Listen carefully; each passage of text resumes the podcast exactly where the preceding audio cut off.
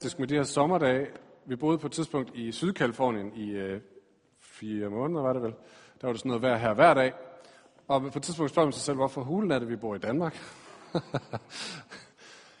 Men øh, så er det, at folk de siger, jamen det er jo alle de der grå regnværsdage, som gør, at man en dag som en dag virkelig sætter pris på det. Ikke?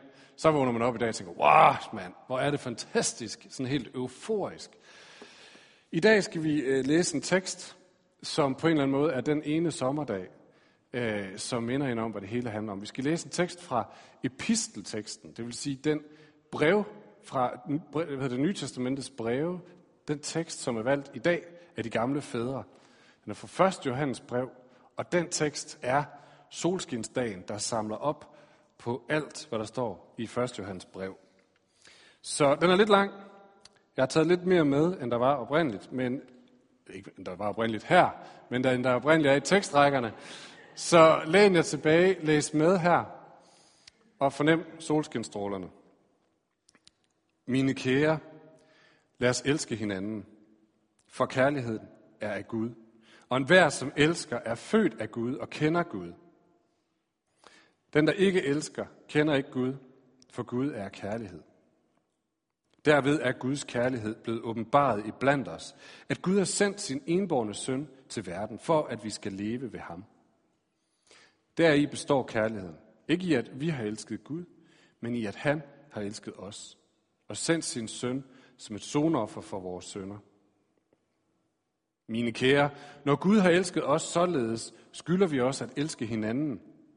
Ingen har nogensinde set Gud, men hvis vi elsker hinanden, bliver Gud i os og hans kærlighed er fuldendt i os. Deraf ved vi, at vi bliver i ham, og han i os. At han har givet os af sin ånd. Vi har set og bevidner, at faderen har sendt sin søn som verdens frelser. Den, der bekender, at Jesus er Guds søn, i ham bliver Gud, og han bliver i Gud. Og vi kender og tror på den kærlighed, som Gud har til os. Gud er kærlighed, og den, der bliver i kærligheden, bliver i Gud, og Gud bliver i ham. Deri er kærligheden fuldendt i os, at vi har frimodighed på dommens dag. For som han er, er også vi i denne verden. Frygt findes ikke i kærligheden. Men den fuldendte kærlighed fordriver frygten. For frygt er forbundet med straf. Og den, der nærer frygt, er ikke fuldendt i kærligheden. Vi elsker, fordi han elskede os først. Hvis nogen siger, jeg elsker Gud, men hader sin bror, er han en løgner. For den, der ikke elsker sin bror, som han har set, kan ikke elske Gud, som han ikke har set. Og dette bud har vi fra ham. Den, der elsker Gud, skal også elske sin bror. Amen. Så vidt Johannes. Fornemmet i solskinsdagen. Hvad var det, han gerne ville sige her? Hvad for et ord var gennemgående? Kærlighed. Kærlighed og at elske. På, på græsk er det det samme ord, agape, som nogle af jer måske kender. Og i de her 15 vers, vi har læst, der ser Johannes det faktisk 27 gange. Så hvis man indtil nu i Johannes' brev er gået glip af, hvad handler det her lige om, så er man fuldstændig sikker på, når man kommer her til, okay, hvad er det, han gerne vil sige? Han vil gerne sige, Gud er kærlighed. Gud elsker. Det er sandsynligvis sidst på Johannes' liv. Johannes var disciple af Jesus, fuldtes med ham. Det er sidst på et langt liv, han skriver det her. Og her er ligesom, hvad han opsummerer. Det jeg allerhelst vil fortælle jer. Gud er kærlighed. Det er sagt mange gange. Det er et meget simpelt statement. Men fatter vi egentlig, hvad det betyder? Fatter vi egentlig implikationerne af det her? Vi skal prøve at pakke det ud vi skal prøve at pakke det ud, vi skal snakke om, hvad er det, han ikke siger? Hvad er det faktisk, han siger? Og hvad betyder det? Hvad er det, han ikke siger? Hvad er det faktisk, han siger? Og hvad betyder det? Øh, hvad er det, han ikke siger? Og det punkt kom med, fordi helt ærligt, da jeg læste den her tekst, og læste Gud er kærlighed, så tænkte jeg, det kan jeg simpelthen ikke sige. Det kan jeg simpelthen ikke sige. Ikke fordi jeg ikke mener det, men fordi den sætning på en eller anden måde er blevet til plader i min mund. Jeg har hørt den så mange gange. fra alle mulige forskellige fløje. Til at betyde alt muligt mystisk. Gud er kærlighed. Måske ser man det med hovedet sådan en lille smule på skrå, let smilende. Gud er kærlighed. Og det kan jeg ikke have det. Jeg kan mærke min hår gro og mine bukser blive brede i bunden. Og, og det er skidt ikke, fordi det er et centralt vers, synes jeg. Og, og det er åbenbart centralt for Johannes at sige det. Jeg tror måske, det er måden, det er blevet brugt på. Jeg tror måske, det er den fornemmelsen af, at Gud er kærlighed, er blevet kommet til at betyde noget i retning af, så kærlighed er Gud. Så det mest konkrete, vi kan sige om, hvem Gud er, det er, at Gud er kærlighed. Så kærlighed er Gud. Så alt den, det skønne, som foregår mellem mennesker, øh, der, der sker noget, der er en kraft, der er en magt, der er måske noget helt selvstændig eksistens. Den her kærlighed, den er noget i sig selv. Og at vi kan, vi kan, vi kan arbejde på den, den kan overraske os, vi kan beundre den, vi kan måske ligefrem tilbede den og sige, wow, det der, når det er der, så er som om alle problemer, verdens problemer, træder i baggrunden. Det, der skete noget der. Så synger vi, all you need is love. Og så er det ligesom det, der er. Det er det mest fantastiske. Så Gud bliver på en eller anden måde nedskrevet til en, en varm følelse, som omfavner os alle, lægger hovedet på skrå og nikker til os og smiler. Og det tror jeg simpelthen ikke, at det Johannes vil sige. Jeg tror simpelthen ikke, han har brugt et helt liv i kamp og efterfølgelse af Jesus for på sin gamle dag at sidde og beskrive glimt af varme følelser, som nikker og smiler, og som vi håber på at opnå nogle flere af. Det tror jeg ikke, at det er Johannes, han er, han er ude efter, at Gud er en varm følelse, der kommer og går. Jeg tror, han har meget mere, der er, simpelthen, der, er, der er bare meget mere sprængkraft parkeret i den her sætning, Gud er kærlighed, end bare en beskrivelse af en, af en, af en god, varm fornemmelse. Og jeg tror, jeg tror, det er meget mere opmuntrende faktisk. Og jeg tror også, det er meget mere udfordrende. Så, hvad er det så faktisk, han siger? Før teorien, så lad mig lige prøve at bringe et praksiseksempel. Øh, et meget relevant praksiseksempel for mit vedkommende. Forestil jer, at I har nogle børn, nogle af jer kan, øh, og forestil jer, at de begynder at få den alder, hvor de får nogle opgaver derhjemme, som for eksempel at rydde væk efter aftensmaden. Og forestil jer så en af de dage, hvor en eller flere af ungerne har haft en hård dag måske, og synes, det er absolut uretfærdigt det her, at de nu skal bruge et kvarter på at rydde op efter aftensmaden, og de kan ikke andet end at brokke sig og skælde ud og være gale og øh, ødelægge det for alle de andre i huset. Hvad gør man så? Ja, en mulighed er, at man sætter, sidder i stolen, og så råber og skriger man af de her børn, indtil de fatter, at det er safthus med deres opgaver kommer i gang.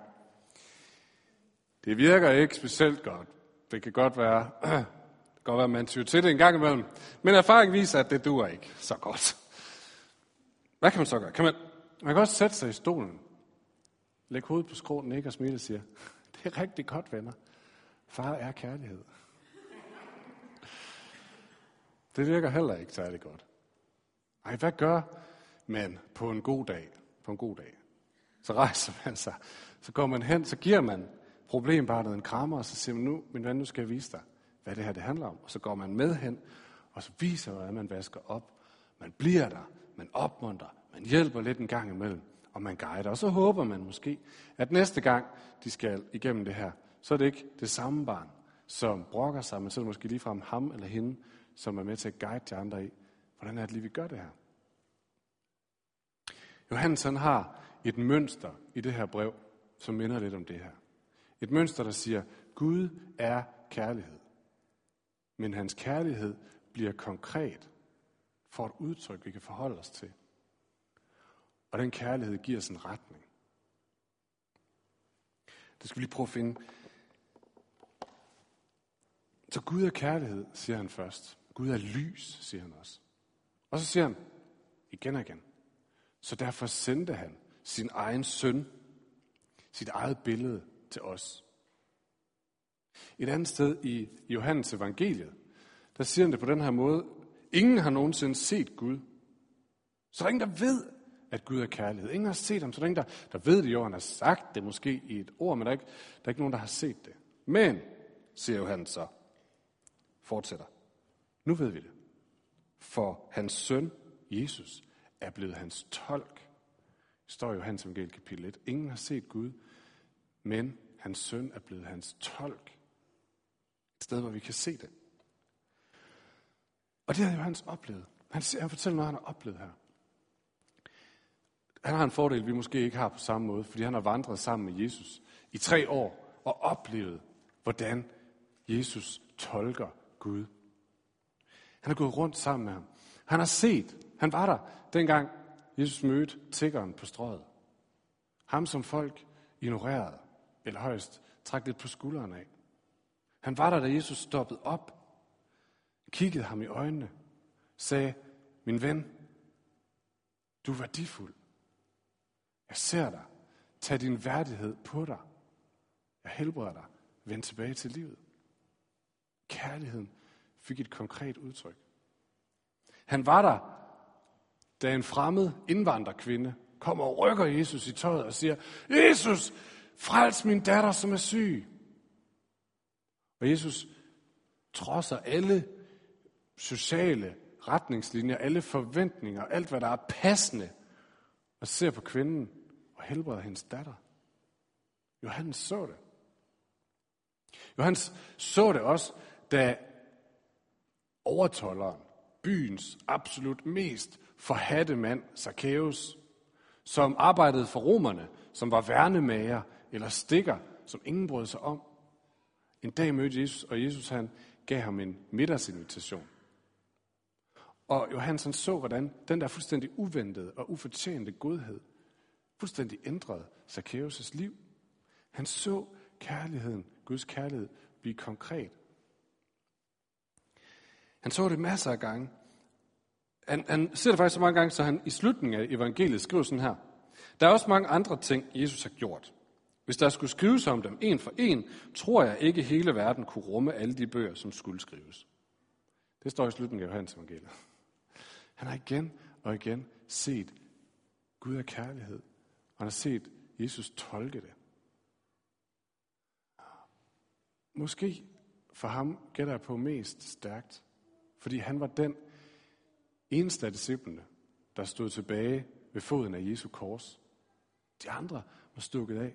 Johannes stod der. Og han kiggede op på Jesus, og Jesus, han oplevede, hvordan Jesus selv i den situation tolkede Guds kærlighed. Så Jesus kigger på Johannes og siger, Johannes, vil du tage dig af min mor? I den situation tænker han på sin mor og siger, Johannes, vil du tage dig af min mor? Og jeg tror, Johannes har kigget ind i hans øjne, og bare lige et glimt set, at det her, det var ikke en eller anden hippie, som har sagt, kærlighed er godt, det overvinder alt, men desværre blev indhentet af livets barske realiteter, for nu var det alligevel ondskaben, som endte med at få overtaget.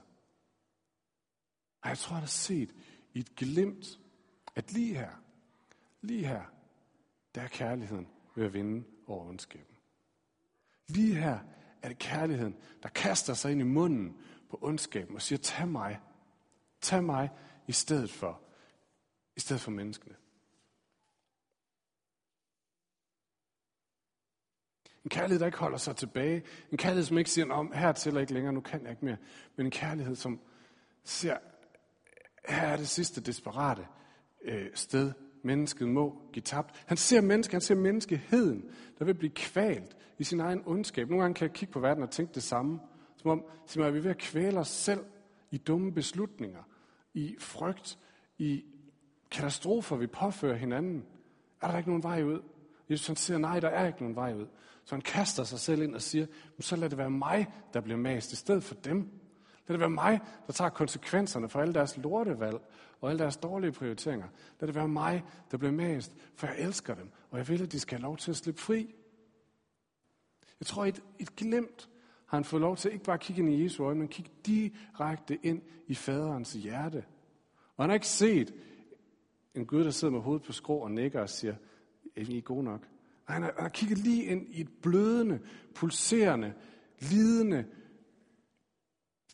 hjerte, som bare længes, længes, længes og vil, vil, vil, at de her mennesker, de skal få lov til at slippe for konsekvenserne af deres egen dumme valg.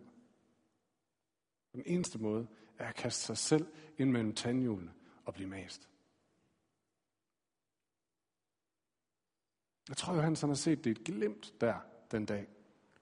Og der er ikke noget, han heller vil sige til menneskerne, sige til os.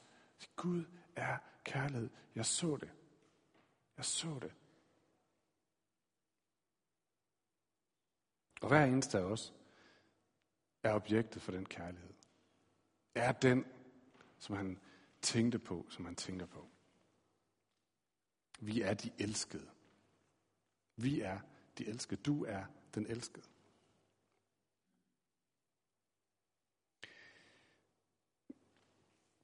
Den kærlighed er ikke tandløs. Den kærlighed er ikke bare et, et, et vink og en velsignelse over verden. Den kærlighed er passioneret, er brændende, er vild. Som nogen har sagt, den kærlighed, der møder dig, som du er. Og det gør den. Fuldstændig som du er. Den kærlighed, som møder dig, som du er, efterlader dig ikke, som du var.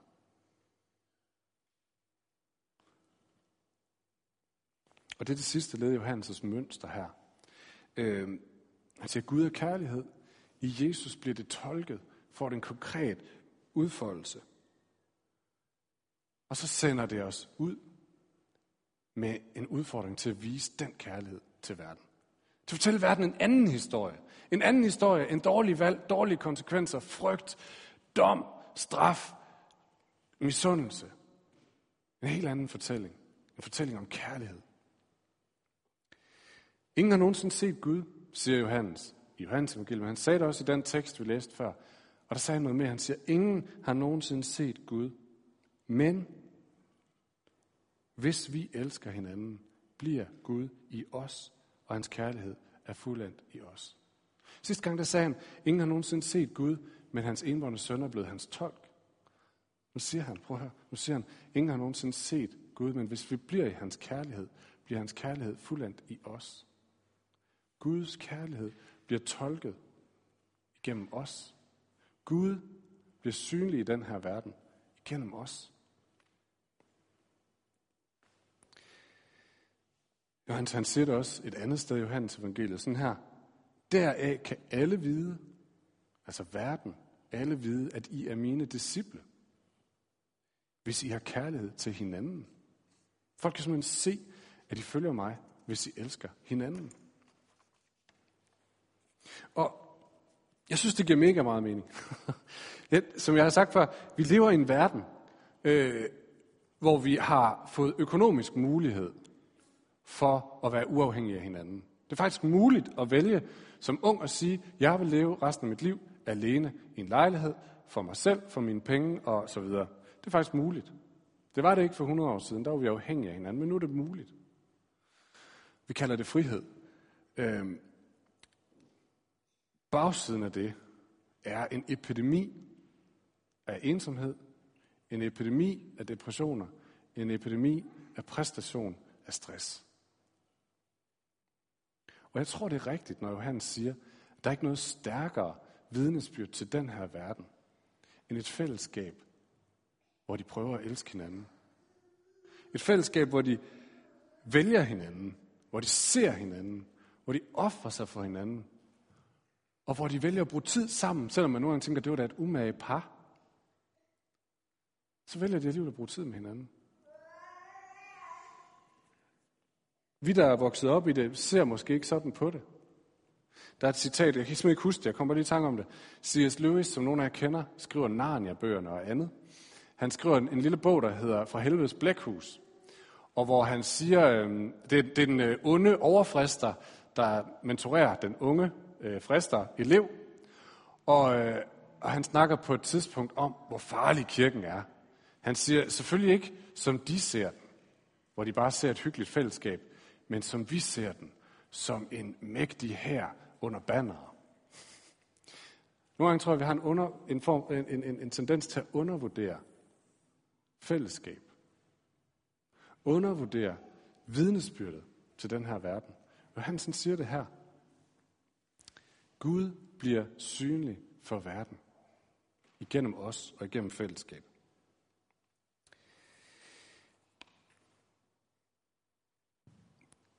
Det er smukt, og det er udfordrende. For hvordan kan vi det? Johannes, han, Johannes han siger to ting. Hvis du sidder og tænker, hvordan, hvordan kan man det? Johannes siger to ting. Han siger for det første, han har givet os, i det vi lige læste, han har givet os af sin ånd. Hvordan kan vi, hvordan kan vi det? Jo, han har givet os af sin ånd. Og det er lidt ligesom, kommer der et banalt eksempel, det er lidt ligesom at sende ungerne ned i Rema 1000 efter fredagslæg og stikke dem 500 kroner. Kan de købe fredagslæg? Ja, det tror jeg nok. Kan de købe alt det, de vil have? Ja, det tror jeg også nok. Kan vi elske hinanden? Ja, det tror jeg nok. For vi har fået Guds ånd. Så simpelt siger Johannes det. Og så siger han en ting mere. Hvis I bliver i mig, bliver jeg i jer. Og det her ord bliver, på græsk hedder det meno, det betyder noget i retning af sådan noget fortsat, sådan noget, altså slår jeg ned i mig, eller flytter ind i mig. Hvis jeg, hvis jeg slår jer ned her, så slår jeg mig ned i jer. Og så bliver, jeg, så bliver min kærlighed fuldendt i jer. Hvordan slår vi os ned i Guds kærlighed? Jeg tror for eksempel, det er at stå op om morgenen og sige, Gud, nu går jeg ud i den her verden. Og inden jeg går ud, så vælger jeg lige at slå mig ned i din kærlighed. Du er far, du er konge, du offrer alt for mig. Her vil jeg godt bo. Så vandrer vi sammen med andre, som minder os om, hey, hvordan er det nu lige, det ser ud den her dag, når du har slået dig ned i Guds kærlighed?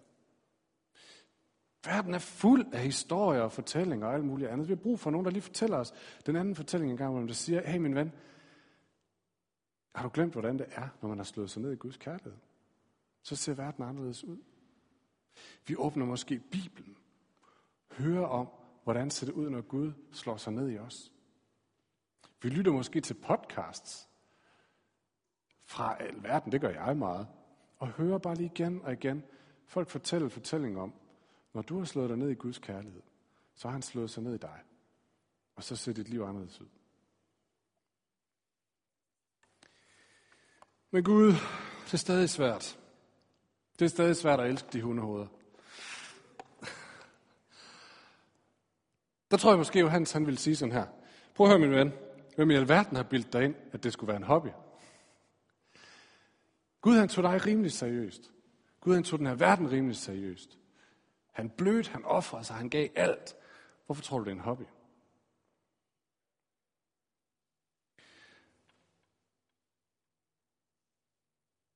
Men Gud, jeg synes ikke, jeg har tid.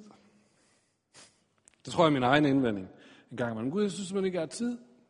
Hvis jeg skal passe mit arbejde, og jeg skal øh, ordne mit hus, og jeg skal spare op til pension, og jeg skal gå til 117 skolearrangementer med alle de børn, jeg har, og jeg skal øh, gå til den ene og den anden forening og bestyrelse. Jeg har ikke tid til at elske for hunde. Jeg har ikke tid til at elske, jeg skal bare følge med. Og det her samfund, jeg lever i, det giver mig ikke skyggen af valg, for jeg skal bare følge med, og jeg kan næsten ikke få vejret. Gud, jeg har ikke tid. Og lad mig slutte, af, slutte den her prædiken med en offentlig dementi. Det tror jeg, jeg har brug for. Hvis nogen af jer har brug for at gøre det med mig, så sig det med inde i jer selv. Jo, vi har faktisk et valg. Der er ikke nogen, der kræver, at vi skal følge med på alt det, som samfundet kræver. Der er ikke nogen, der siger, at vi skal spænde 110 km i timen hele tiden og være ved at kvæles. Det er faktisk okay at have lidt færre penge end gennemsnittet. Det er faktisk okay at have et lidt mindre hus end gennemsnittet. Det er faktisk okay at have lidt farmave. Det er faktisk okay at have ukrudt i sin have. Det er faktisk okay at vælge en mindre karriere. Det er ikke okay i samfundet, det er jeg godt med på. Men i Guds kærlighed, når man slår sig ned der, så er det faktisk okay. Det er faktisk okay at vælge at sige, jeg vil elske. Og jeg vil have tid til at elske. Jeg vil have overskud til at elske. Min familie. Mine brødre og søstre. Den her verden. Og når vi gør det, så læner vi os ind i faderens bankende hjerte. Han, vi læner os ind i det, som vi er skabt til. Vi læner os ind i at være med til at bringe håb og glæde til den her verden. Nogle gange kan det virke som et glimt at elske mennesker og tænke, hvad nytte gør det? Det er lidt som at kratte ukrudt i en mega mark. Det vokser jo op, inden jeg er færdig. Men det er glimt. Det er bitte, bitte små glimt, som viser verden, hvordan det skal blive en dag. Det er måske bare en lille plet grønt, eller en lille plet jord midt i ukrudtsmarken. Men det fortæller, at en gang, så kommer Gud, så fjerner han ukrudten, så lader han det blomstre, så bliver det godt. Og de små glimt fortæller en anden fortælling.